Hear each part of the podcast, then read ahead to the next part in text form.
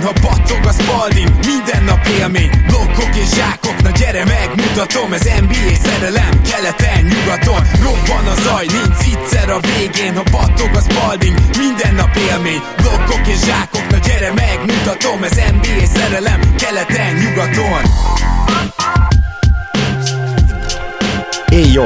Szép jó napot kívánok mindenkinek, ez itt a Rap City keleten-nyugaton podcast, a mikrofonok mögött Zukály Zoltán és Rédai Gábor. Szia Zoli! Szia Gábor, sziasztok, örülök, hogy itt lehetek. Először is Várjuk a mailback kérdéseket Patreonon, most már elég közel van ez az adás, és már kaptunk pár egészen elképesztően jó kérdést, úgyhogy nagyon szépen köszönjük. Patreon.com per keleten-nyugaton itt tudtok minket támogatni, akár havi egy dollártól, és ugye már eleget mondtam ebbe a hónapba, de szeptember 30-ig ez külön előnyel jár, mert ugye van egy promókódunk a repcity.hu a New Year termékekre, New Year a KN, de a Patreonok kaptak egy VIP promókódot, ami az előzővel ellentétben nem 10, hanem 15 százalék kedvezmény biztosít nektek, úgyhogy nézzetek körül. És ma ugye megígértünk két topikot az utolsó csapatunk előtt, amelyik a Utah Jazz lesz, nem hiszem, hogy nagy meglepetést lőttem most le. Ebből a két topikból azt gondolom, hogy az egyikre szánunk sok időt, és nem, nem tudom, lehet, hogy annyira kevés infónk van egyelőre a bostoni szituációval kapcsolatban, hogy talán azt egy kicsit későbbre is halaszthatjuk, hogy az Udoka szituval mi van, mert ez Boston, szóval az a helyzet, hogy a Fili lenne, vagy, vagy a Lakers, akkor valószínűleg már az utolsó SMS-t is láttuk volna, itt viszont azért más a helyzet, és nagyon-nagyon kevés infónk van. Ellenben Roger Federer visszavonult, és tudjátok, hogy mindkettőnknek nagy-nagy kedvencünk,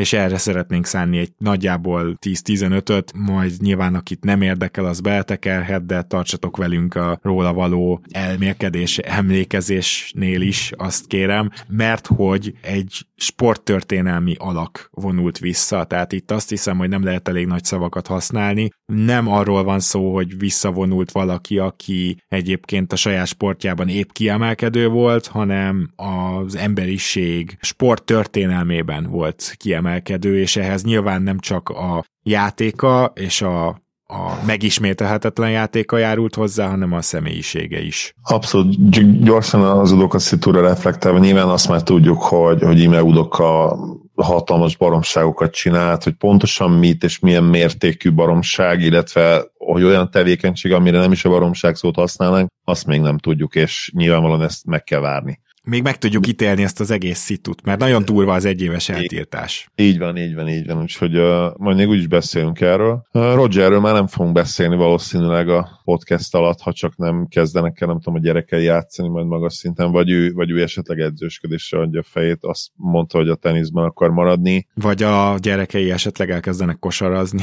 Vagy elkezdenek kosarazni, igen, az is, az is lehetséges akár. Tényleg egy hihetetlen ikon, döntött úgy, teljesen érthetően és egyébként kiszámíthatóan, hogy szögre akasztja a teniszütőt, a Wilson-t, bár ma már lehet, hogy nem Wilson ütővel játszik, ugye amikor pályafutás a csúcsán volt, akkor az egyik kedvenc uh, kinti kommentátorom mindig mondta, hogy úgy nevezte, hogy Wilson Wand, uh, mint, mint Wilson varázspálca, ugye, mert tényleg időnként nem ütőként használta, hanem, hanem mint hogyha egy más teljesen más eszköz lett volna, és nem akarok patetikusba átfordulni, de, de Roger tényleg ezt tette nagyjá, ugye a, így, így a pályafutása végére ez a, ez a GOAT vita, ami egyébként teniszben nem csak, hogy, nem csak, hogy már szenvedés, hanem teljesen toxikus egyébként. Tehát, hogyha benne vagytok az online beszélgetésekbe, tényleg elképesztően toxikus az, hogy Djokovic uh, szurkolók, Nadal szurkolók és Federer szurkolók egymással uh, diskurálnak, és, és hogy konkrétan tényleg nem nyilván nem mindannyian, de, de nagyon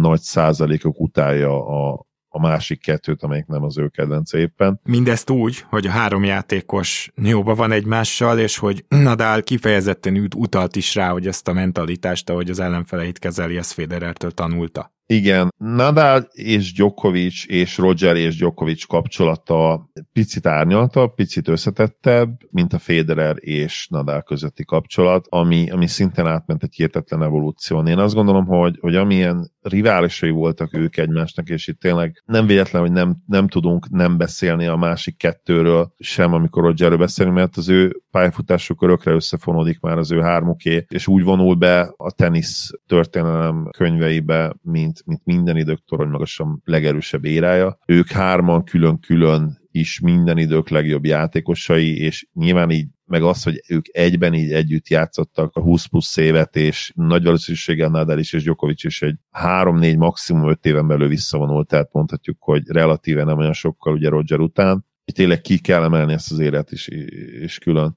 Így záró gondolatként, hogy egyrészt tényleg ez a gót vita szerintem totál toxikus, nehéz is egyébként teniszben megítélni nyilvánvalóan, Nadal és Djokovic is eredményesebb karriert fognak ugye magukének tudni, mint Roger, most már ezt kimondhatjuk, hiszen már most több Grand szemük van. Rogernek azért vannak olyan rekordjai, amik, amik örökre megmaradnak, például a, a Zsinórban 237 világelsőként, azt nem nagyon fogja megdönteni senki, és ha, hogyha külön peak időszakot értékelünk, ami ugye teniszben általában ez a 19 vagy 20-21-től egészen 26-ig, én azt gondolom, hogy a 20 és 26 év közötti peak Roger Federer minden idők legjobb játékosa. Így van. Az egyértelmű, hogy nem ő lesz a legeredményesebb, mert uh, ugye ez matchup dolog is, és egyébként itt, ha már belemegyünk ebbe, tényleg csak a Gótvitáról egy utolsó gondolat, hogy uh, ki ismeri ezt a játékot, az tudja, hogy, hogy egészen már 2008-tól, de inkább 2007-től elkezdték iszonyatosan homogenizálni a pályákat. Ez mit jelentett? Ez azt jelentette például, hogy a, az addig egyik leggyorsabb US Open-t lelassították, a salakot pedig egy nagyon picit felgyorsították, tehát onnantól ez a salak nem volt ez a nagyon-nagyon lassú, hanem inkább ez a olyan támadójátékot segítő pályaborítás, ami lehetővé tette azt is tényleg, hogy ott is azért ne csak ezek a, ha néztetek teniszt, vagy láttatok videókat a 80-as évek végéből, 90-as évekből, akkor tudjátok, hogy milyen iszonyatosan unalmas labdamenetek mentek salakon, és ez az atletizálás ugye megmaradt a 2000-es évek második felére is, vagy a 2010-es évekre is, de, de onnantól kezdve azért már az, az erő és a dinamika átjött, az ütőerő és ütőn dinamika átjött salakon is, és Wimbledon nagyon fontos, a fű összetétele is változott Roger karrierének második felére, és a fű alatti borítás is, tehát a, a labda, ugye Wimbledon sokáig arról volt híres nyilván, hogy nagyon-nagyon gyors volt, és alig pattant fel a labda, és megcsúszott a fűn a labda. Ugye Ugye ezért volt a szervaröpte játékosoknak a, a szentélye. A fű összetétel ezen egyébként nem változtatott olyan sokat, némileg igen, viszont ami sokkal fontosabb volt, hogy a fű réteg alatti réteg lett sokkal keményebb, és azt cserélték ki. Erről a 2008-as év környékén videók is voltak, hogy ugyanabban a szögben megütött labda mennyire másképp száll fel onnantól kezdve, tehát egy sokkal magasabb szögben pattan fel,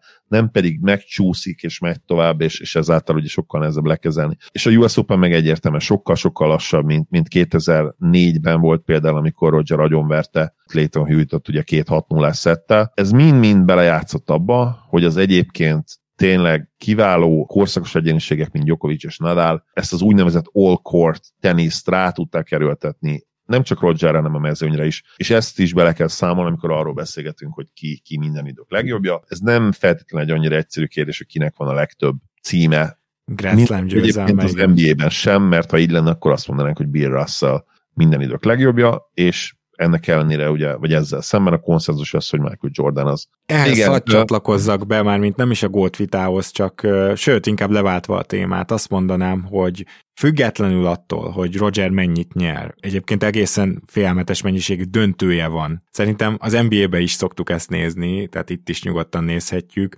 hogy emlékszem még azokra az időkre, amikor az évvégi világbajnokságon gyakorlatilag folyamatosan egyessélyesé tette azt a bizonyos versenyt, tehát ő a pikjében, nem is tudom, hogy veszítette az évvégi ilyen nyolcas világbajnokságot, ha valaki követi a teniszt, azt tudja, hogy a, annak az évnek... Igen, Nálmán ellen a igen, igen, igen. de nem volt jellemző valóban tehát, Tehát ott gyakorlatilag minden évben szinte garantáltan ott volt a döntőben legalábbis, és a többségüket, döntő többségüket meg is nyerte, igen. Szóval itt azért ő neki a peak időszaka, és egyébként volt két másodvirágzása, én úgy mondanám, ami no, a 2017-es már nagyon meglepő volt, ha az évszámot nem rontottam el, de amikor ugye nem sérülésből visszatért, és meg is tudott ő is újulni, de az ő igazán művészi játéka, amelyik hihetetlen szögek ütésekkel, nagyon rafkós ütésekkel, azt mondom, hogy hogy ő agyban is hihetetlen, hogy hol járt, és egyébként nem gondolom, hogy ő taktikailag annyira fegyelmezett volt, mint amennyire tűnt,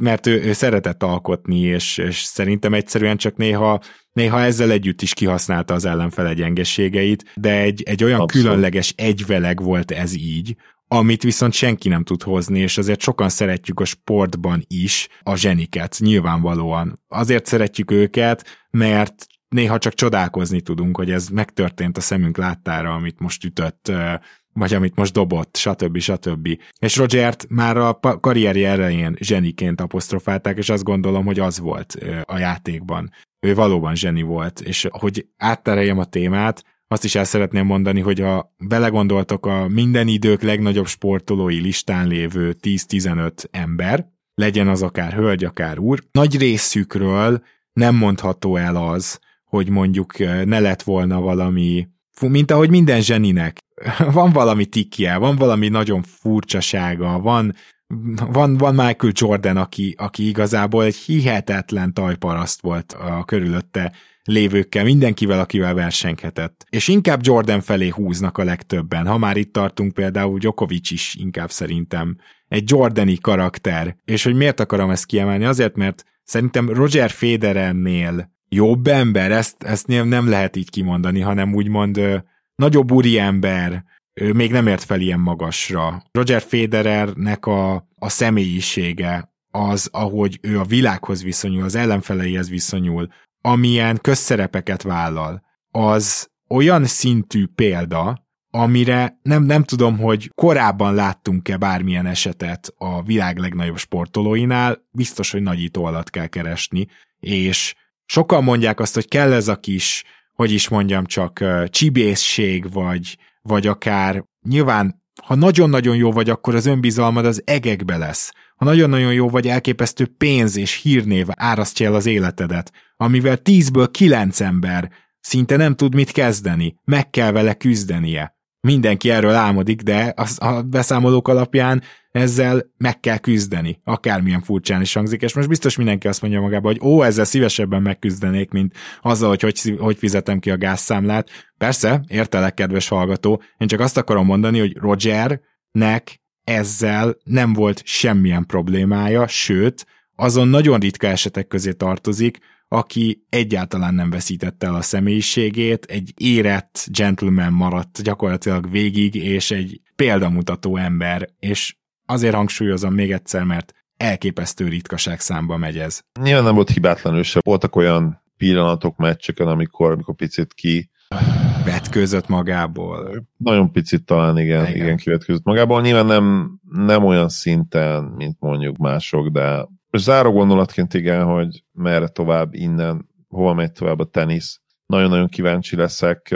Jelen pillanatban úgy tűnik, hogy egy olyan játékos van, aki, aki kicsit előre hozhatja a Big Three vagy Big Four éra, ugye, hogyha Murray-t beleszámolt, ha murray nem számolt bele, inkább szerintem ez nagy hármas éra volt, mint nagy négyes, de Murray egyébként alul értékelt. Viszont ennek az érának a tényleges végét azt, azt Alcaraz hozhatja előre. Senki más a jelenlegi mezőnyben, én azt gondolom, hogy nem. Itt záró gondolatként, hogy a, hogy a mostani mezőny, ugye, hogy sokan mondják azt, hogy, hogy 2005-től, vagy, vagy egészen a 2000, 2002-től mondjuk 2007-ig, 8-ig, az az öt év az egy gyenge éra volt. Én ezzel alapban sem értek egyet, viszont még ha egyet is értek vele, akkor teljesen egyértelmű viszont, hogy, hogy a jelenlegi éra biztos, hogy gyengébb, mint az az éra volt. Jelenleg a teniszben nem azért tud eredményes lenni, ez, ez egyébként valóban szenzációs duó, mert ők pályafutások csúcsán vannak még mindig, és ugye szoktak, szoktak ilyenkor mondani, hogy évről évre jobbak, mint Tom Brady-nél is, hogy a 45 éves Brady, Brady jobb, mint a 44 éves volt, meg a 44 éves jobb, mint a 43 éves volt, a nagy fenéket. Djokovicnál ugye 2011-es év az abszolút peak, 2011-es Djokovic rommá verni a mai Djokovicot, Nadalnál pedig ugye 2008-2009 a peak, 2008-as, 2009-es Nadal köröket futna a mai Nadal köré, és tényleg rommá verni. Lehet, hogy fejben érettebbek, valamennyivel, minimálisan többet tudnak erről a sportról, de, de ez nem kompenzálja ezt a hihetetlen fizikai különbséget, ami ugye akkor volt jellemző, meg most rájuk. És, és ezt csak azért mondom záró gondolatként, mert ennek ellenére sem tud senki áttörni. Medvegyev talán ő állt hozzá a legközelebb, de hihetetlen mentális visszaesést mutatott, ahogy elveszítette az ideje Ausztráliában döntőt, az, az hihetetlen volt. Igen. De már igazából a, a Nadal elleni US Open döntőt meg kellett volna nyernie, hogy amikor kettő-kettőre egyenlített, és bréklabdai voltak az utolsó szedben. Itt csak azt akarom mondani, hogy ha nem, hogyha Alcaraz is esetleg azt mutatja, mint Medvegyev, hogy nem tud konzisztensen ez a minden idők egyik legjobb a szinten teniszezni, mert sokan elő tudják húzni ezt a játékot egyébként egy-egy tornára, ugye Wawrinka erre a legjobb példa, akinek az abszolút maximum szintje az talán őszintén minden idők legjobbja. Tehát ahogy ő a három Grand Slam győztes tornáján játszott, az a szint az gyakorlatilag abszolút játszhatatlan, tehát nem tudsz vele mit csinálni. És, és ez abszolút ott van Rogerrel, én azt gondolom, mint, mint peak szint. Csak ugye ő meg ezt végképp alig tudta elő, relatíve a, a nagyságokhoz képest alig tudta elővenni. Szóval, hogyha Alcarazen is kiderül ez, akkor, akkor bizony ez a, a Big Free éra még eltartat akár uh, 23-ban és 24-ben is, és ebben az esetben 25-től lenne igazi váltás. Hát Ott és még arról, Zoli, nem is beszéltél, hogy ugye ezt ki is kell bírni. Kibírni azt, hogy 12 éven keresztül minden Grand Slam-et végigbír, igazán Nadal se bírja, meg igazán Federer se bírta. De ők még relatíve sokáig, de ha belegondolunk, hogy Nalbandian vagy Del Potro, akik Wawrinka közeli tehetségek, abszolút, abszolút. Tehát ők, ők is ilyen ö, szerencsétlen zsenik, akiknek nem bírta el ezt a testük. Nábángyánál mondjuk az is benne volt, hogy ő, ő nagyon rosszul étkezett, ő nem vette komolyan a, a fizikai felkészítést, tehát ott ez is benne volt, de amúgy tényleg zseniális játékos volt tehetség alapján Grand Slam győztesnek kellett volna lennie. Vagy ugye említhetnénk Safint, aki ugyanaz a szint volt, csak ugye belőle azért kijött két Grand Slam győzelem, de, de ő is rohadt fiatalon visszavonult, és ő igazán nem élvezte a teniszt. Nem szerette azt, ami ahhoz kell, hogy, hogy kiemelkedő legyen, és ez Nalbangyerre is, és, és Safira is nagyon igaz volt. De Még Potró meg gyakorlatilag a Yao Mingja volt a tenisznek, vagy nem tudom, tehát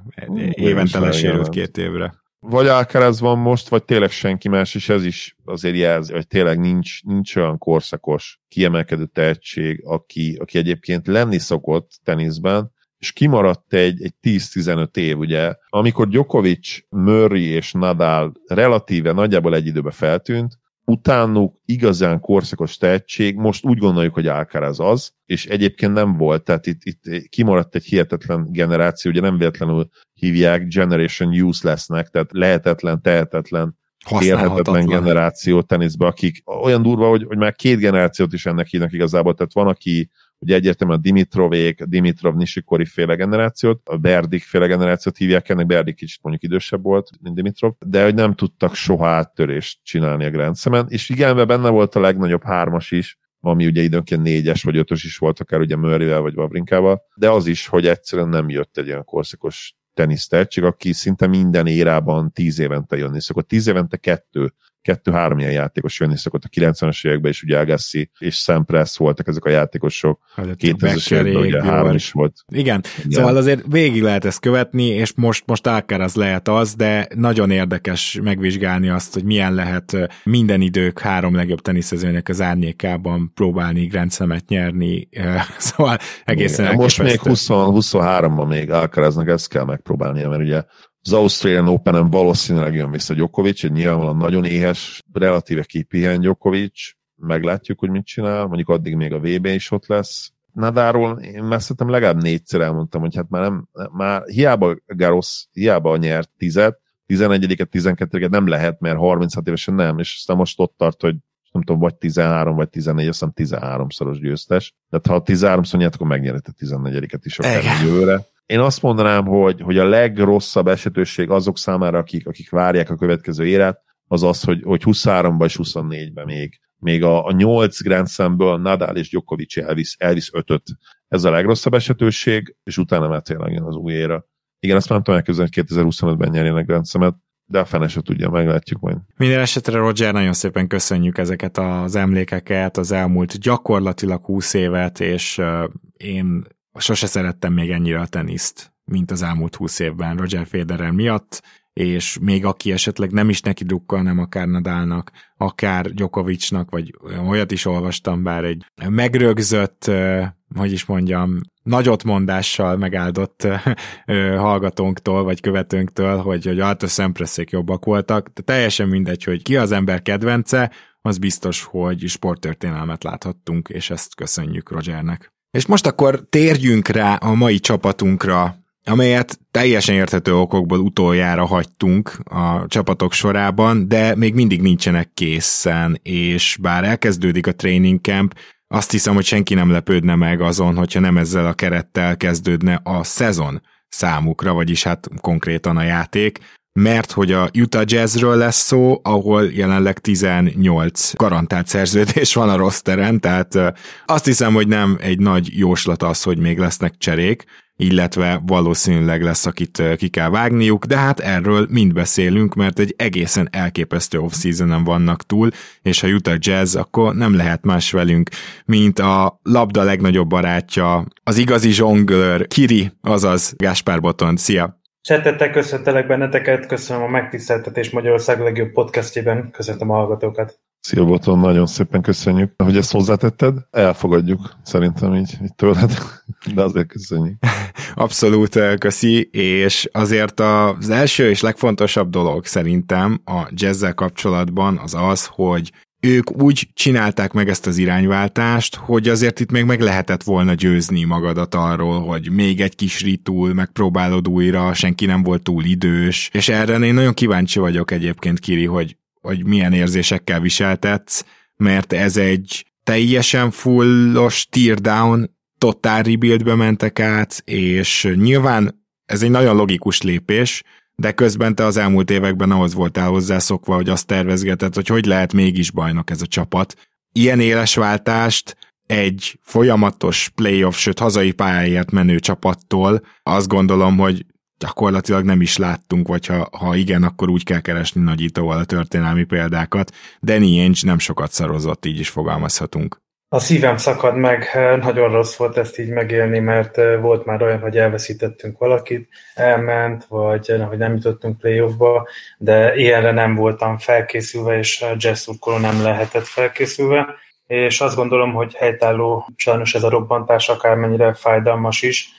Már szerintem Ingülszel kezdődött a dominónak a ledülése, amikor az öltöző glugája távozott, nem túl jó körülmények között. Mást számítottak egymástól a felek. A másik, hogy én hiszek annak a nyilatkozatnak, ami kijött nem annyira rég Danny hogy ő látta ezt a csapatot kívülről, és hogy igen, milyen tehetség van bennük, mennyire jók, és jók lehetnek, viszont azt is megérezte volt játékosként és vezetőként is, hogy, hogy nincs meg a bizalom, és amikor kijöttek Ingles eligazolása után azok a statisztikák, hogy, hogy Ingles, aki hónapokkal korábban már lelépett a jazztől, több passza van Gober irányába, mint eh, Mitchell-től Gobernek, akkor ott már valami szerintem elkezdődhetett így a fejekben. Nehezen látom át, hogy mi lett volna ennél jobb döntés, mert, mert jazzbe hozni bárkit nagyon nehéz lett volna, a szerződésekkel rosszul állt a jazz, ez a megújulás volt az egyetlen szerintem épkézláb lehetőség. Szerényen látom az értelmét annak, hogyha bejutunk évre évre a rájátszásba, és egy kört megyünk, vagy egyet se, és ebből kiulunk, ez nem lehet célja egyik jó csapatnak sem. És én hiszek Danny Ainge-ben, és hiszek abban is, hogy amit elkezdett, akármennyire fájdalmas is, és örülök annak, hogy szerint kivétellel az inkább megkopasztottunk mindenkit, sem pedig minket húztak le. Hát az ennyi kifejezés. Ugye Zoli, mi már átbeszélgettük mind a két trade-et, mindkét oldalról ötöst adtunk egyből a jazznek. Jött itt négy darab first a Rudy Gobertért és egy swap, és még mellette egy idei first, tehát mondhatjuk nyugodtan, hogy öt first, mert hát Volker Kessler még, még nem lépett pályára az NBA-ben, nyugodtan mondhatjuk, hogy öt first kapott Rudy Gobertért. És ez a Jazz úgy kapta, hogy ebből ugye kettő teljesen nem protected, ha Kesslert is ide veszem három, a 23-as az, az top 12, azt hiszem, és végül a 29-es top 5, tehát ezek valószínűleg mindegytől egyig át is mennek, és aztán jött még a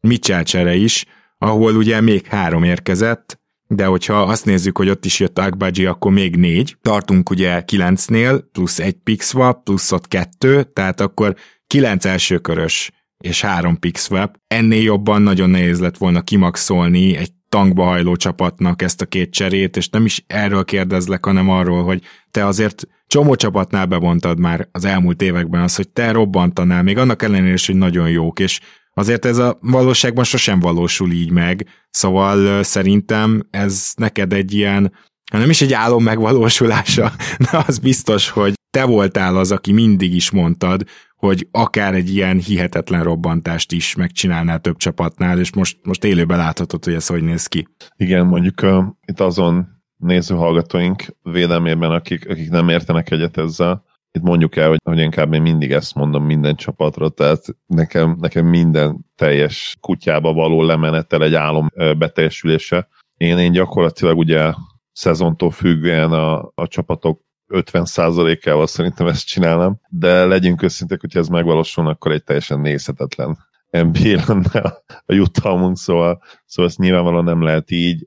De azt is tegyük hozzá, Zoli, hogy azért az elmúlt években igenis elég sok csapat, sokkal több, mint ahogy azt megszoktuk az NBA-ben lépett erre az útra, és ráadásul már most látszanak nagyon szép rebuildek. Igen, és itt szerintem egyébként Hinkit elő kell venni, mint, mint egyfajta úttörőt. Bizony. Hogyha, hogyha Steph Curry-t elővesszük, mint azt a játékost, aki, aki ha nem is elindította, de felgyorsította ugye a, a, a három pontos érát, akkor, akkor Sam Hinkit mindenképpen elő kell itt venni. Az igazság, hogy ez nem szól másról, mint az esélyeit kimaxolásáról, ugye a Real GM fórumon, amit szoktam emlegetni, a minap valaki csinált egy ilyen kimutatást, összeszámolta azt, hogy kicsi szubjektív mérce alapján, hogy, hogy milyen igazi különbséget jelentő játékosok voltak kiválasztva, lettek kiválasztva a draftokon, ugye ezek az úgynevezett difference makerök, és, és itt konkrétan kategorizálta úgyis, ugye, hogy superstar, és, és csak a superstárokat nézte, és hát az esetek döntő többségében ők a top 10-ben vannak kiválasztva, és, és ez is arról szól, ugye a jazznél, de az OKC-t is említhetnénk,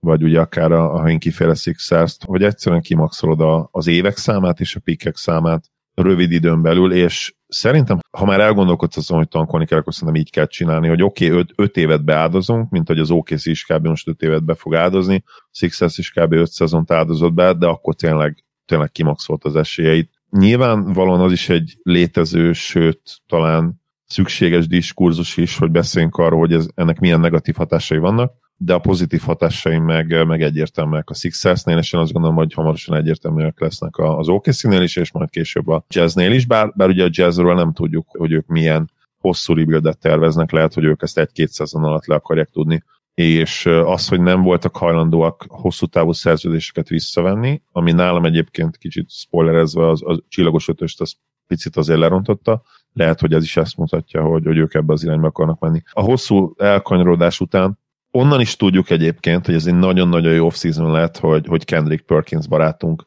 rosszra értékelte a jazz húzásait, és a, a, az idióta érveléssel jött, hogy hát, hát nincs garantálva, hogy ki fogod húzni a következő Steffet, a következő Clay Thompson, vagy a következő Draymond Green-t, és azzal, hogy ide vette Dray, azt a Draymond Green-t, akit a második körben húztak ki, már eleve szerintem rávilágít arra, hogy mennyire komoly az ő véleménye igenis ez egy, ez egy nagyon-nagyon jó off-season volt, mert volt egy világos terv, és azt a tervet majdnem tökéletesen eddig megvalósították. Persze szükség lesz a szerencsére, de hát ez igaz minden csapatra az NBA és minden játékosra. Ezért fontos az esély maximalizálás, amit mondtál. Lesz vagy 9 draft pickja a jazznek, de az is lehet, hogy 10-11 a következő három drafton. Ebből lesznek jók is, nyilván a jazz saját pickja a legértékesebb, de azért ne felejtsük el, hogy egy Memphis mondjuk két év alatt túl volt az újjáépülésen, vagy hogyha a tavalyi szezonig akarjuk számolni, akkor három. Vannak olyan példák, ahol nem kell öt évet tényleg a pusztában, étel nélkül, asszályban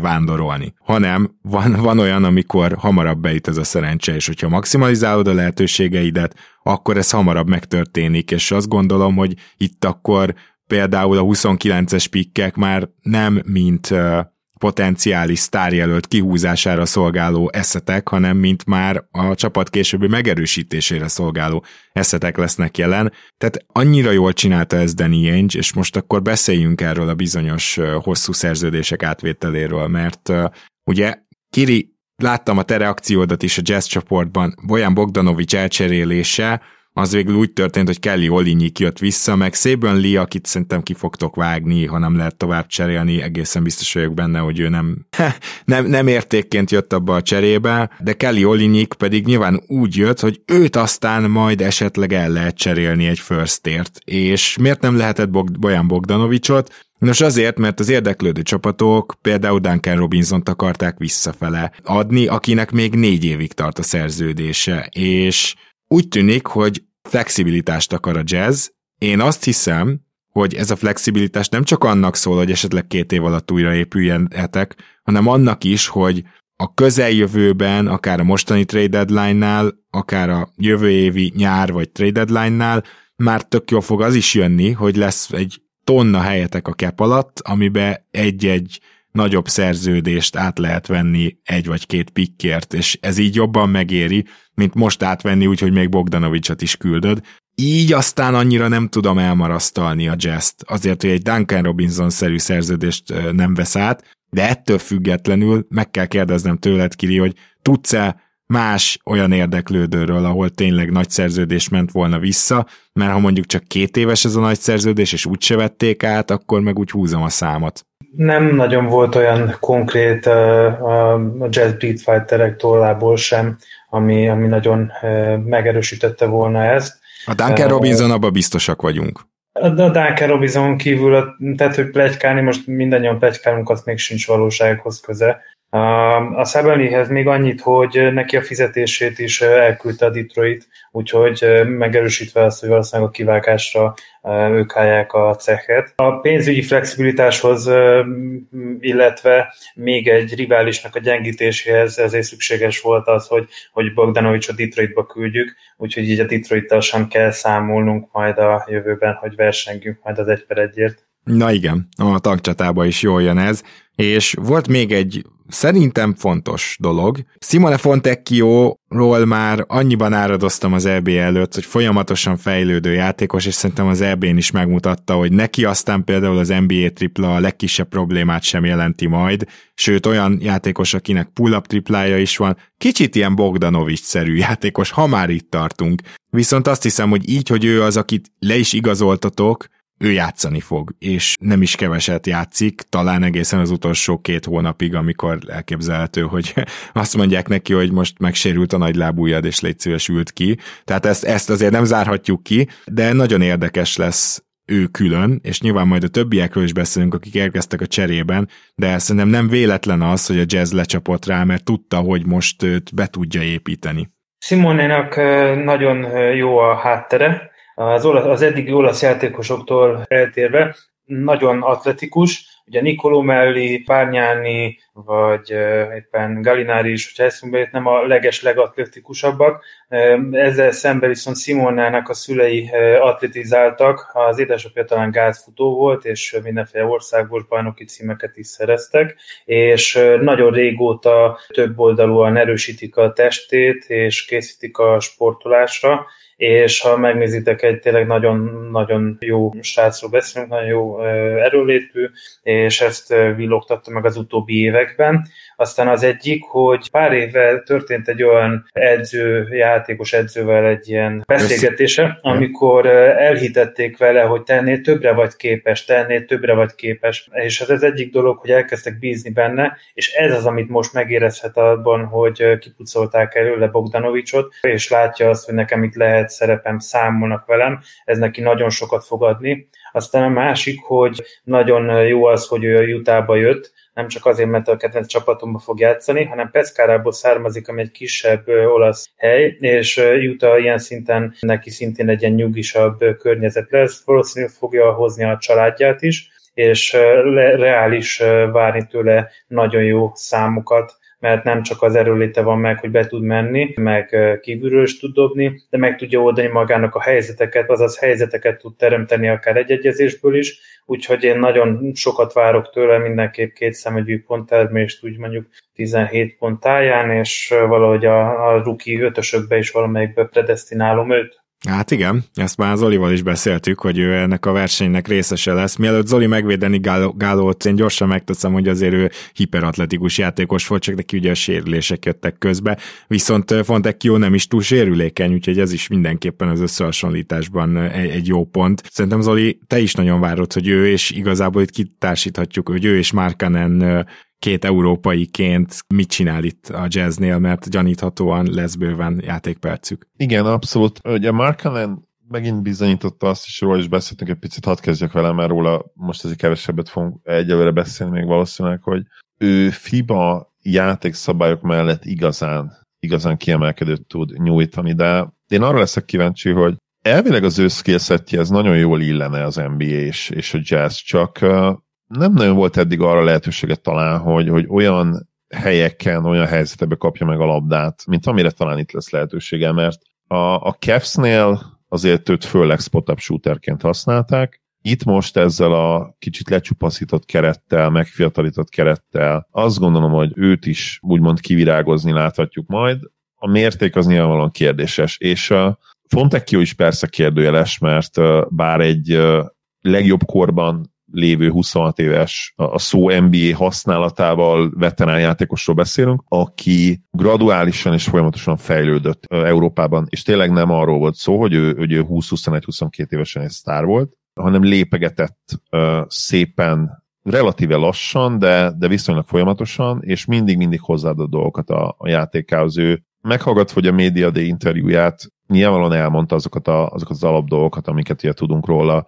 A dobása az nagyon-nagyon konzisztens, és az NBA-ben is egy fegyvernek kellene lennie, viszont azt is elmondta magáról, és, és ahogy te is mondtad, Gábor, és ezt is látjuk a játékában, hogy ő, hogy ő tényleg meglepően atletikus egyébként, és tud védekezni. Hogyha csak és kizárólag mondjuk összehasonlítjuk Bogdával, és mondjuk ha azt nézik, hogy maradt volna teljes keret tavalyi évről, és kicseréljük Bogdát vele, szerintem már akkor erősödhetett volna a jazz. Nyilván egy új terv van, egy, egy, új, egy új vízió, Sziaszemi, nagyon rég volt, van egy hallgatónk, aki nem szeretem, amikor beköszönök neki, hogy őt is Őt is üdvözlöd meg. Őt is üdvözlöm, igen. Ő szerintem egy olyan játékos, akit be lehet illeszteni nagyon sokféle rendszerbe. Azt nem tudom, hogy mennyire lesz elégedett azzal, hogy itt most, itt most egyértelműen nem a győzelemért fog menni a jazz, és olyan szinten nem a győzelemért fognak menni, hogy, hogy lehet, hogy a cél az konkrétan az lesz, hogy, hogy veszítsenek mérkőzéseket. Tudjuk, hogy a játékosoknak soha nem ez a célja, de úgy lesz összerakva az a bizonyos keret, hogy, hogy az Vagy a rotáció. Tehát mondjuk ez mondjuk az nagyon kemény lenne, hogyha például jó ezért nem lépne pályára egy ne, szoros negyedik negyedben. De ilyet, ilyet biztos, hogy az elején nem. Az elején nem. Ilyen, ilyen nem. Tehát az elején olyan Lori Markenen, Fontecchio, pont szórást, meg, vagy legalábbis magas kísérletszámokat fogunk látni, hogy, hogy a fantasy játékosok már most uh, szerintem, szerintem gondolkodhatnak a tenyerüket, igen. Aztán meglátjuk, igen. Tehát ugye tudjuk, hogy az igazán komoly tankolás azért az All-Star szünet után szokott beindulni. Én is azt várom egyébként abszolút, mint Kiri, hogy, hogy Fontecchio minimum a második ötösben, de inkább az első ötösben legyen ott, sőt, hát még Gáborról ugye azt is beszéltük, hogy az sem lenne meglepő számunkra, hogyha az év újoncadiért versenyben lenne, mert szerintem ilyen 28-30 percről fog indulni, most már nem egész egy hónap múlva, játékban van, úgyhogy én, én már október az október 19-i kezdés és, és a november 1 között várok tőle két-három 20 plusz pontos meccset. Én abszolút azt várom tőle, hogy a mai modern NBA-be ő gyakorlatilag ilyen, ilyen problémamentesen Patentül. tudjon illeszkedni. Meglátjuk, hogy Sextonnak milyen szava lesz ez egy hát ez igen. kérdés lesz. Na de mielőtt rátérnénk Sextonra, most már muszáj arról beszélnünk, hogy Mike Conley-val, hogy uh, ki az, akit még talán mindenképp elcserélne a jazz Jordan Clarkson, és még egy érkező is, Malik Beasley, róla is plegykálják, hogy ugye ezt a három játékost még árulja a jazz, és uh, őszintén szólva, ha csak pikkekért, meg esetleg kivágni való játékosokért, vagy vagy valamiért, ami nem játszik, tudná megszerezni a jazz, akkor 15-en lennének. Tehát, hogy nekik három játékost valahogy el is kell passzolni. Nem hiszem, hogy mind a hármat sikerül úgy, hogy visszafele nem jön olyan, akit minimum ki kell vágni, de egy biztos, hogy ez a három játékos, hogyha megkezdi a szezont a jazz, akkor az még egy kicsit túl jó.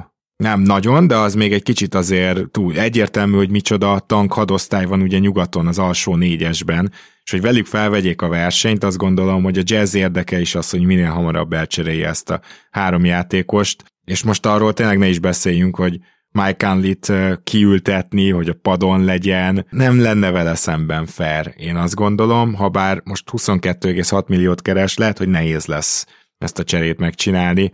Mit vársz ezzel kapcsolatban, Kiri, Mi, illetve milyen híreket hallottál?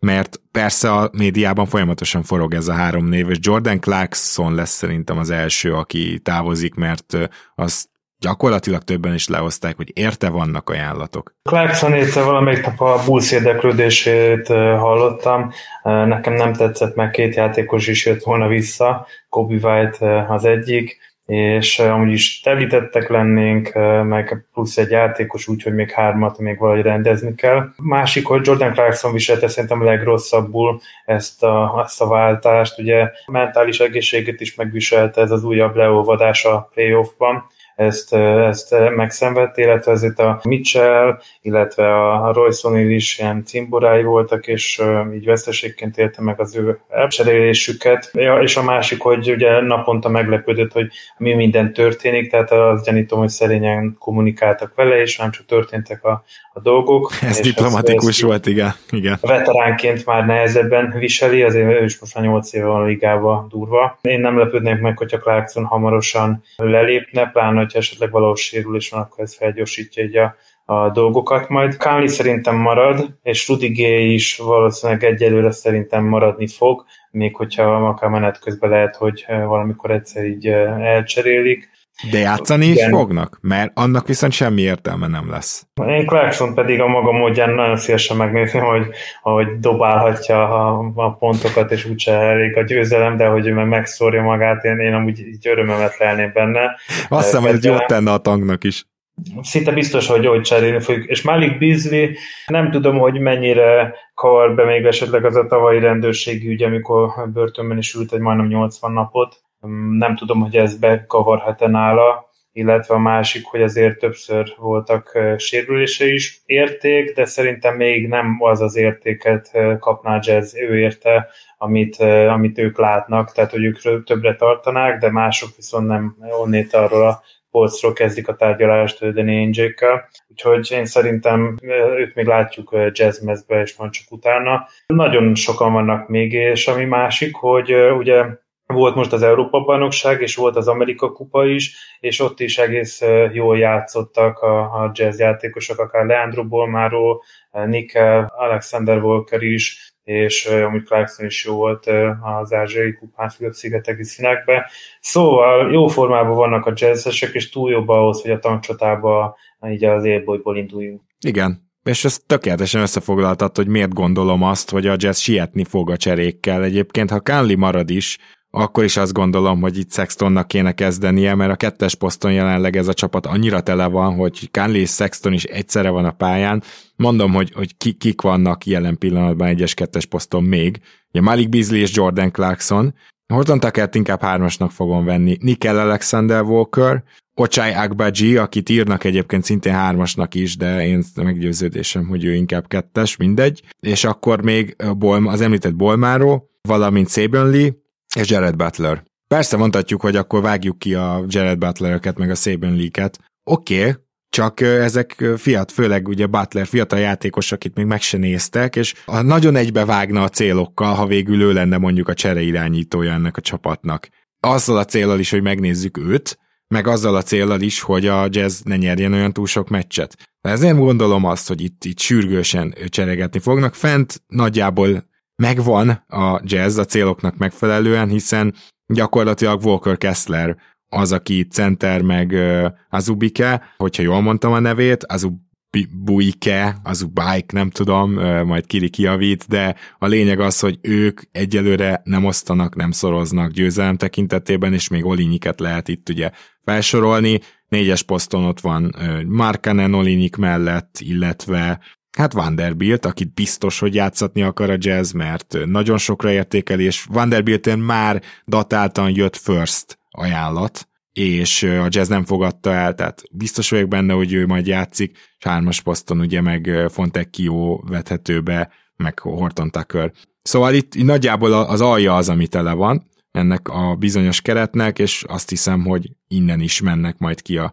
játékosok cserében. De egyetértesz az Oli azzal a megállapításommal, hogy ez a keret így, ebben a formában, ha jelenleg nézzük, és hogyha a jazz arra kényszerül, mondjuk Saban lee meg Gerard Butler-t, meg nem tudom, én Bolmárót vágja ki, amire biztos vagyok benne, hogy nem akar rá kényszerülni, akkor egy kicsit túl erős. És ugye Kiri is ezt mondta, hogy, hogy, hogy talán azért ezt még egy kicsit jobban le kéne csupaszítani. Ja, Rudy Gate még el sem mondtam, bocsánat, hogy ő is ott van, igen.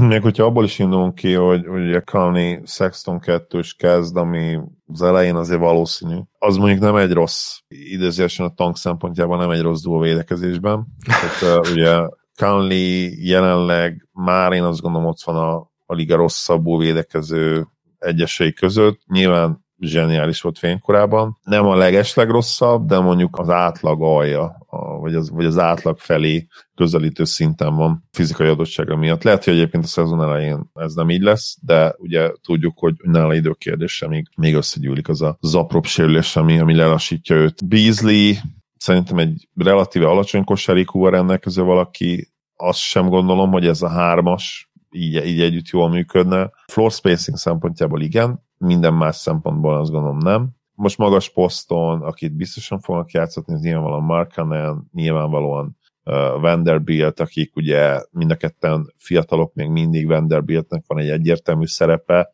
és abban nagyon jó is egyébként. Olinik ilyen mentor szerepben fog időnként kezdeni, időnként nem, és ugye Kessler, Kessler is, és itt is meg akarják majd fejteni, hogy úgymond uh, mi, mi van a tarsolyban Kesslerrel, egy érdekes játékos egyébként, 21 éves, de az az igazság, hogy egyelőre én nem látom feltétlenül benne azt a fejlődési ívet vagy potenciált, ami, ami benne lehet, nem tudom. Ami biztos, hogy jól fogja védeni a gyűrűt, és semmi másra nem tudnánk rámondani, hogy és még milyen skillje van.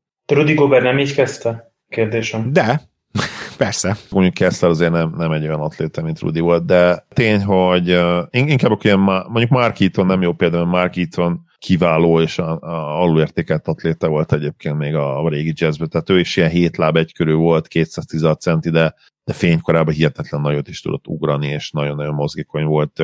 Kessler nem rossz ebből a szempontból, de az nyilvánvalóan nem egy etalon. De ez most segíti a jazz, hogyha a Kesslert játszhatjuk, hogy ez így van, persze, benne valami, meg, meg kell nézni, igen, meg nem fog hozni. Uh, Udok az ugóik meg, meg pedig én, én őt elengedném, én már lemondanék róla, folyton lesérül, és tavaly is azt hittem, hogy akkor fölhozzuk, és akkor a egy cserecenternek jó lehet, és lesérült az első vagy második meccsén. Őt is engedném el. Ha már itt elkezdtél beszélni a fiatalokról, neked van olyan, akit nagyon vársz, nagyon megnéznél? Akár az új érkezők közül, akár Butlerék, tehát a, a jazznek a tavalyi egészen elképesztően gyenge fiatal magjából.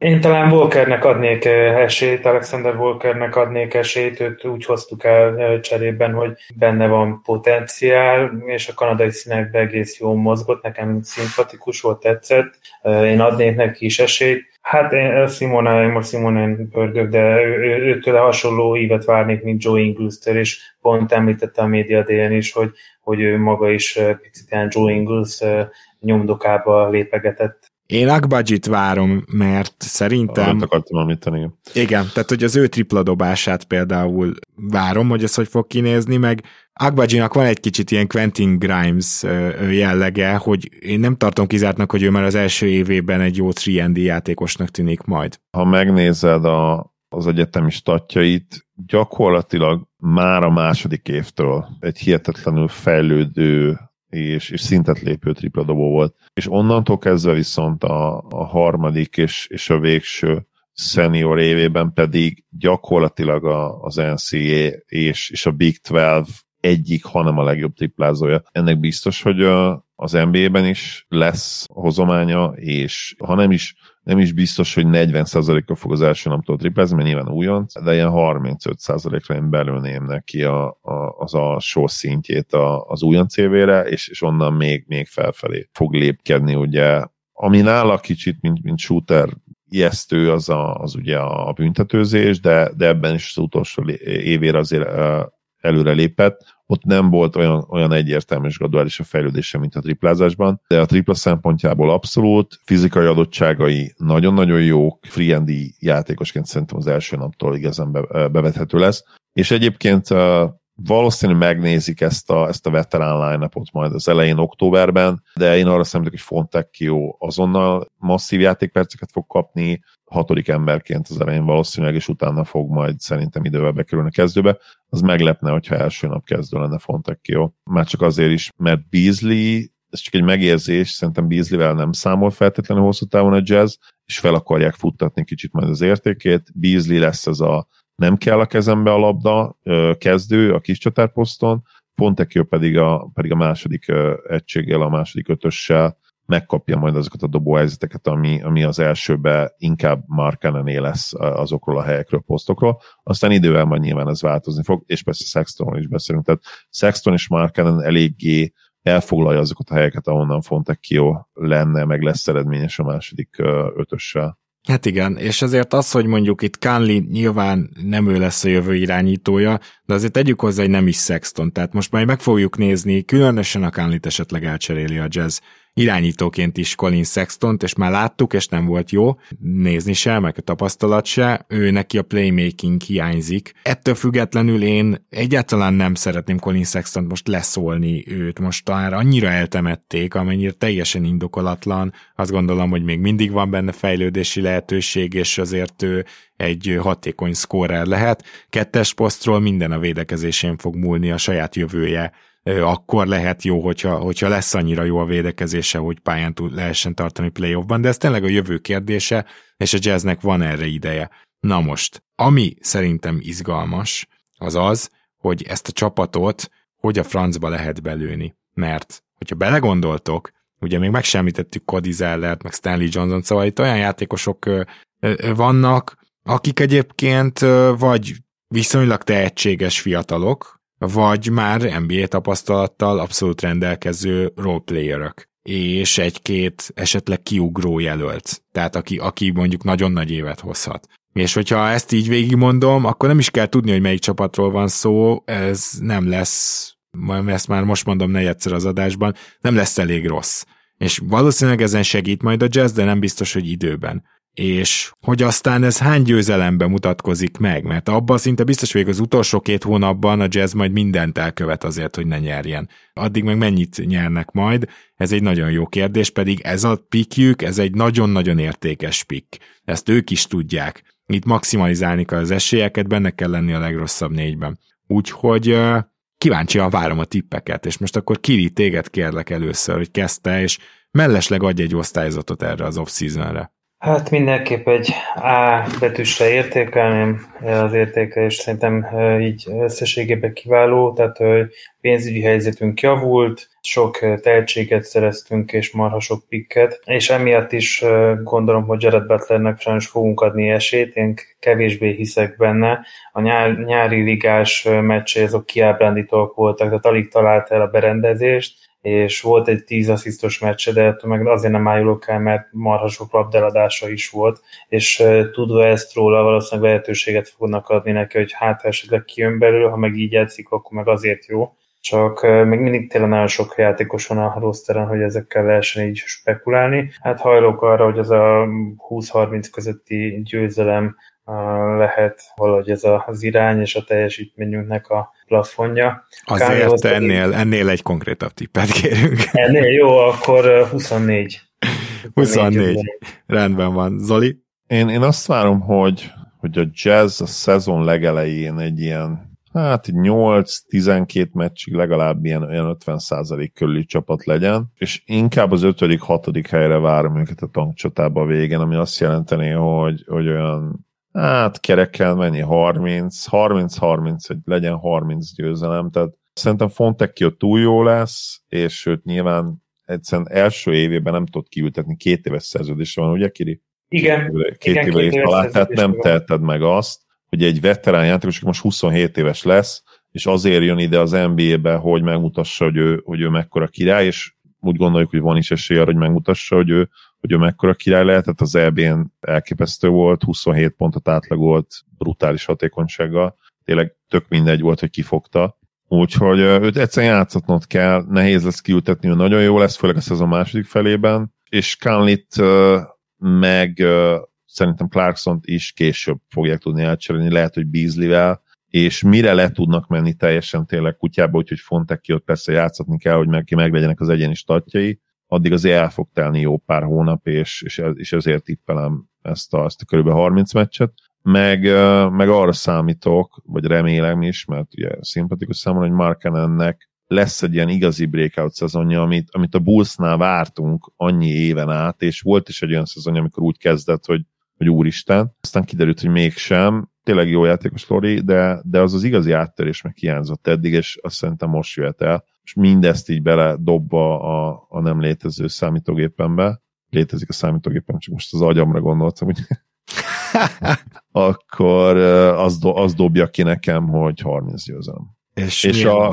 ötös, ötös az értékelés az egyértelmű, a csillagos ötös nem, de ötös. Oké, okay, én majd, és erre mind a kettőtök kérek egy reflektálást, mert te is ötöst adtál, ugye Kiri, az A osztályzat, az A plusz lenne a csillagos ötös, ugye, hogyha lefordítjuk. Már pedig szerintem, amit csinált a jazz, az hatos. És oké, okay, rendben van, talán nem vagyunk teljesen elégedettek Bogdanovicsért, kapott ellenértékkel, nem tudjuk, hogy Olinyiket tovább lehet adni, esetleg egy first ért, vagy egy védett first ért, de olyan magasról indul, tehát, hogy muszáj megnéznünk azt, hogy milyen tökéletes munkát végeztek, mert volt egy jól látható cél, és gyakorlatilag kimaximalizálták annak a két játékosnak az eladását, akivel meg lehet indulni az újjáépülést. Ennél többet lehetetlen volt elkérni értük, de tényleg, tehát, hogy biztos vagyok benne, hogy ennél többet, sőt, hogy, hogy ez, ez sem tűnik reálisnak, még utólag sem. Annyira, hogy fel is kavarta a piacot. Tehát a Gobert csere után Durant gyakorlatilag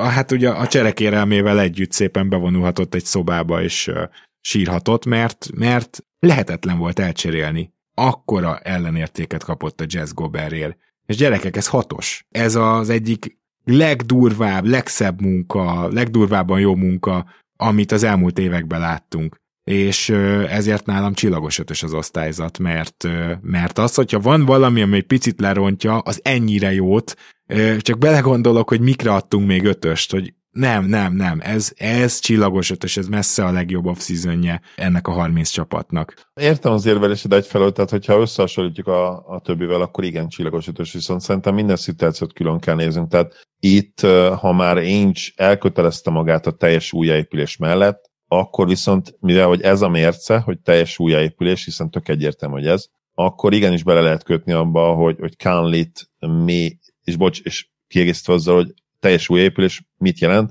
kimaxolni az esélyeinket. Hol tudjuk kimaxolni az esélyeinket a drafton? Mi vethet ennek gátat? A veterán játékosok, akik ideig, óráig, hónapokig még jó teljesítményt tudnak nyújtani, és úgymond felesleges győzelmeket generálni, és, és ebből a szempontból viszont még mindig azt érzem, és Ainge egyébként ez jellemző volt, hogy, hogy mind, mind a kettőt szeretné egyszerre. Ő biztos vagyok benne, hogy, hogy most is úgy gondolkodik, és, és persze, mint volt NBA játékos, és nagyon-nagyon jó NBA játékos, ráadásul, aki meghalt a pályán, és, és jó, jó értelemben tényleg küzdött minden, minden pontért, minden védekező possessionért, tényleg egy, egy mániákus volt a faszi. Tehát értem azt, hogy ő, ő tényleg azt gondolja, hogy mi, mi jók leszünk azonnal, minket leírnak, tényleg ez a csapat már az elejétől most jó lehet, Fontekióban nagyon sokat lát, Kanlit, biztos, benne, hogyha megkérdezed, úgy érzi, hogy, hogy másodvirágzás, vagy harmad, vagy nem is tudom hányad virágzása lesz már ez Kalninak, ezt ki tudja hozni belőle, és egyébként meg nekünk vannak eszetjeink, abból bejön valami a drafton, más csapat majd tankol nekünk szépen, meg egyébként tudunk cserélni is majd. És, és ha ott van a lehetőség, akkor tudunk cserélni egy szupersztárért, és biztos benne, hogy én így gondolkodik, még most is, és ezért nem tudok teljes melszélességgel mögé állni, mert szerintem el kellett volna cserélni Canlit és Clarkson minimum már a szezon előtt, de mivel elindult az úton, és valamilyen szinten megmagyarázható ez a, ez a gondolkodás, hogy, hogy egyébként tartsuk nyitva a szemünket, mert ugye nem feltétlenül csak draft van, hanem cserélni is lehet esetleg egy magát nem jól érző szupersztárért. Így emiatt nyilván nem fog négyest adni neki, de mivel a mérce ez, hogy teljes újjáépülés, és viszont azért ő nem ment még le hinki szinten teljesen kutyába, ami szerintem ilyenkor az egyértelműen a legjobb döntés. Ez az hát ez nem is tudna ez a csapat, mert azért a hinki eh. szintű dolgot azt még az OKC sem csinálta meg. Az OKC okay, de, de mondjuk a jazz még bőven az OKC szintjén sincs. Oké, okay, emlékszel, az OKC is úgy kezdte a szezon, és úgy az, az első ilyen szezonját, hogy, hogy majd leépítik a csapatot, és tényleg rohadt jók voltak, emlékszel, és mondjuk ott be is jutottak a play ba konkrétan, annyira jók voltak. Nyilván a jazzzel ez nem fog megtörténni, és úgy mondott az OKC-nál is egy évet eltoltunk ezzel, és végül uram, bocsá, lehet, hogy itt is ez fog történni, hogy, hogy egy évet eltolunk, annyi, hogy itt nyilván nem playoff lesz ezen a nyugaton, hanem, hanem egyszerűen nem lesz ott valószínűleg, ahogy, ahogy én számítok rá, a jazz a, a legrosszabb öt csapatba, vagy a legrosszabb négybe legalábbis. Hát a legrosszabb négybe biztosan benne lesz nyugaton, csak összesen nem. Mike hoz még annyit, hogy ő, őt ugye azért is nehezebb elpasszol, mert jövőre is 14 milliós garantált a ah, igen. És emiatt, emiatt ő, ő itt nálunk fog megőszülni. Ez az utolsó éve, nem a jövő év? A jövő évi, de hát idén 22 jövőre még 14 garantált. Hmm. A, a, hát, nézd, igen, nem, nem, nem egy jó szerződés nyilván, de de szerintem azért attól függ, mit kérsz érte. Tehát, hogyha, hogyha jazz elsőköröst akar, Hát van egy, merül, van, merül egy majd, verzió, ami kering, ugye, csak ahhoz még Kánli mellé kell majd valakit berakni, de most már van szerződés, ugye a Westbrook átvétel, és aztán Igen. Westbrookot nyilván alapból kivásárolod, és ezért még kapsz két pikket a Lakers-től. Igen, de egyébként hozzáteszem például egy Tim Hardaway Juniorét beajánlaná egy-egybe a, a Jazz szerintem a Mavericks elfogadna. Például most mondtam egy példát. Uh-huh. Na hát erre nagyon kíváncsi vagyok, hogy ez igaz ugye nem, nem fogsz érte elsőkör is visszakapni, tehát uh, itt hát azért én realisztikusnak kell lenni. De itt uh, Kánlinál realisztikusak is lesznek, tehát itt nyilván ilyen szerződéssel, ahogy Kánli most már lassan kinéz, nem, nem fog elsőköröst kapni. De Lakers nem is ajánlotta sajnos a, a pikét, értem, mert szó volt, hogy Clarkson és Kánli mennének, sőt még volt, hogy Bogdanovics, és akkor cserébe Westbrook, meg esetleg egy pik, de ők, ők nem nagyon akarnak a pikekkel variálni. Amúgy Danny Ainge-re én is büszke vagyok, mert most a Jesse-nek tombolt, és arra is emlékszem, hogy akkor találkoztam vele, akkor én voltam az egyetlen, akik fölismerte a tömegből, amikor a Boston Celticsnek mentük a Milánoi meccsére, oh. és akkor oda is mentem hozzá egy fotóra. Én voltam az egyetlen, aki így fölismerte a tömegbe, egy öltönybe, gyorsan csízelt is velem egyet, és ment tovább, és ő is hazaérkezett, mert e, most így játékosok között nincs is mormon, de, de e, Danny ő pont mormon, és ugye a Brigham Young University-re járt tehát hogy ő neki ilyen szinten most így otthona is, és örülök, hogy Dwayne Wade azért továbbra is még benne van így a háttérbe a, a jazzbe, és próbál azért segíteni, de ez egy nagyon nehéz folyamat, és én titkon azt várom, hogy hamar át fogunk ezen menni, mert amikor utoljára a Zsinórban négy éven át nem volt a jazz rájátszásban, akkor az se sokon múlt, és egész hamar átmentünk ezekben a folyamatokban. Igen. Mielőtt elmondom a tippemet, még el kell mondanom, hogy Will Hardy a következő olyan egyző, aki már nagyon régóta lebegtetve van, hogy ő majd egyző lesz. Tehát vannak ezek a segédegyzők, akik évek óta tudjuk, hogy egyszer csak megkapják majd a lehetőséget, ugye tavaly Udaka volt ez, idén, idén Hardy, és ő viszont ugye vele szemben lesz türelem, az első évben nem kell nagyot mutatnia, de mindenki azt várja, hogy jó lesz. Aztán majd meglátjuk. Nyilván első éves egyző, főegyzőként ez, ez nem könnyű, de azért ő nem a, nem a Nash Billups kategória, akik nem igazán töltöttek el elég időt a kispadon ahhoz, hogy most ebbe előlépjenek. Hardyról ez nem mondható el. Ez csak így mellesleg, mert nyilván az ő felfogása, illetve az ő munkája is befolyásolja majd ezt a tankot. Én 25 győzelmet tippelek a jazznek. Zolival kapcsolatban, vagy Zoli, neked mondom akkor így személyesen, hogy az összes tankcsapatnál lejjebb tippelek, mint te, mert szerintem te is, és általában a vendégeink is alulbecsülitek az utolsó két hónapot, hogy ott mi fog menni a nyugati utolsó négy között. De aztán lehet, hogy nem nekem lesz igazam. De ez, ezért van konzisztensen 3-4 győzelem különbség a nyugati tankhadosztály tippelésünk között, és most is ez történik, de ugye Kiri még nálam is lejjebb tippelt, úgyhogy nagyon kíváncsi leszek, illetve Kiri, ha bármilyen sztori még benned maradt itt a jazz nyarával kapcsolatban, amiről szerintem most 50 percet beszéltünk, mert annyira elképesztően sok minden történt, akkor kérlek, ne tartsd magadban. Múltkor uh, olvastam, hogy a, a Volker Kesslernek árulta a Rudi Gober a házát, hogy figyelj már onnét ugye eljövök, és akkor azt átvetett tőlem. Tudod, így a, a, ben, behagyja a masszásfotelt, ami 217 centire van beállítva. Meg, meg... Hát, meg hát valami hiteliző konstrukciót ajánlott mellé, mert szegény Kesslernek nem hinném, hogy olyan bevitteli vannak még, ami, amivel megveheti ezt. Vagy legalábbis, ha meg is veheti, mondjuk ha egybe kéri az első pénzét, hát akkor is az is kevés arra. Igen, kevés kell, ugye 22 volt talán Kessler, tehát hogy Igen. Igen. az még nem olyan sok. Meg ugye nem egybe kapja meg, nem tudom hány millió. Mondjuk lehet, hogy Salt, Lake-ben nem annyira vészesen komolyak az ingatlanak, nem tudom, nyilván azért nem más lenne, hogyha New York New Yorkban beszélgetünk erről, hogy New Yorki házat árulja valaki egy újoncnak. De az a baj, hogy ezek a luxus villák, ezek szerintem, jó, nyilván egy New Yorki penthouse az persze egy jó példa, de amúgy a luxus villák vidéken, ott talán nem is lesz akkora különbség, hogy éppen jutakban van, vagy, vagy az, Azért lesz, de ja, valószínűleg nem, nem engedheti meg magának Kessler, de lehet, hogy naiv vagyok, és egyébként igen. Mert egy első körös mennyit kap ma már ilyen, 6-7 millió? Hát de a 22. Helyben. helyről még csak 2-3 milliót kapsz. Még szóval... csak 2-3 millió? Hát akkor, akkor azért ez kevés szerintem arra. Vagy lehet, hogy egybe ki tudja fizetni, ha mondjuk ilyen 2 milliós ász, csak akkor az nem, nem biztos, hogy a legjobb befektetés egyből így az első keresetével. Amúgy a minnesota delegációból többen is már augusztusban Jutába költöztek, hogy szokják a levegőt, a környéket, gondolom a sivárságot, hogy nincs diszkó, vagy ilyesmi. Hát mondjuk az minnesota sem olyan volt, ahova a fekete játékos csak úgy bemegy. Tehát, Igen. hogy ezt tegyük hozzá, hogy ott, ott azért vannak ilyen jellegű problémák. Na mindegy, igen. Malik Beasley amúgy azt nyilatkozta a pont tegnapi média nap, napon is, meg még korábban is, hogy, hogy eltökélt szerepe, hogy a pályán és a pályán kívül is így meghatározó személy legyen ebben a szezonban. Ha ez megadatik neki a jazznél, akkor viszont ez is rossz hír, mert akkor fenyegeti a tankhadosztályban való ékes szereplést. Viszont hát, ha, hát, ha, hát, ha egy jobb ember lenni, tehát nagy álmai vannak, ezt nem minden játékos mondta el, Conley is elmondta, hogy igen, látom, hogy így alakult, és most itt fogok mindent megtenni, de, de igen, készültem arra is, hogy esetleg egy contender csapatba játszom, azaz el fognak cserélni. Ki tudja, hogy, hogy ki, kinél hol, hogy alakul a helyzet, minden esetre nem kérdés, hogy jazz voltam, jazz leszek. Na igen, ez szerintem nagyon szép végszó volt. Köszönjük szépen, Kiri, hogy ma is itt voltál velünk, és nem tudom, valószínűleg jövő nyáron találkozunk, de hogyha a jazz még egy-két blockbuster-t itt összeüt, akkor lehet, hogy hamarabb is. Köszönöm szépen. Én is köszönöm, hogy itt voltál, Kiri.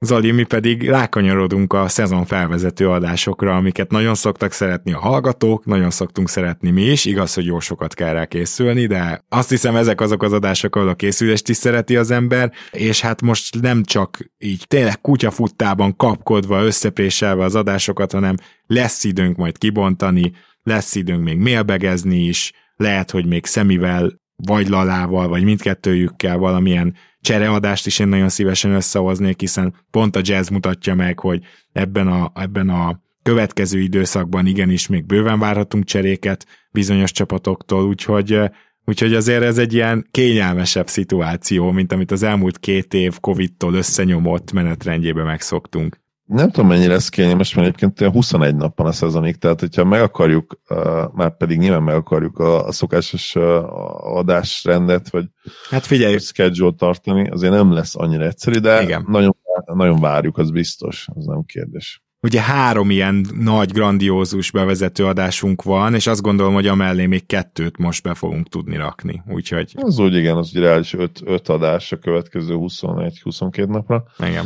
Örülök, hogy itt lettem, nagyon várom ezeket is. Így is van, én is, köszi Zoli, és uh, egyébként ugye a adás elején is elmondtam, de nagyon szépen köszönjük, hogy támogattok minket, és most végére értünk egy nagy-nagy körnek, az összes NBA csapatról beszéltünk, mindenkinek a nyaráról, remélem, hogy élveztétek, és akkor most mindenki gondolom követi a saját csapata, a kedvenc csapata híreit, ahogy már jönnek ki a a free seasonből az első edzés videók, a nyilatkozatok, és most már mindannyian megkapjuk ezt a bizonyos NBA vibrálást a következőkben, és indul a preseason, úgyhogy ez szerintem minden NBA rajongónak egy, egy nagyon izgalmas időszak, és mi megpróbáljuk még izgalmasabbá, még tartalom teljesebbé tenni számotokra a következőkben is, úgyhogy tartsatok velünk. Minden jót, sziasztok!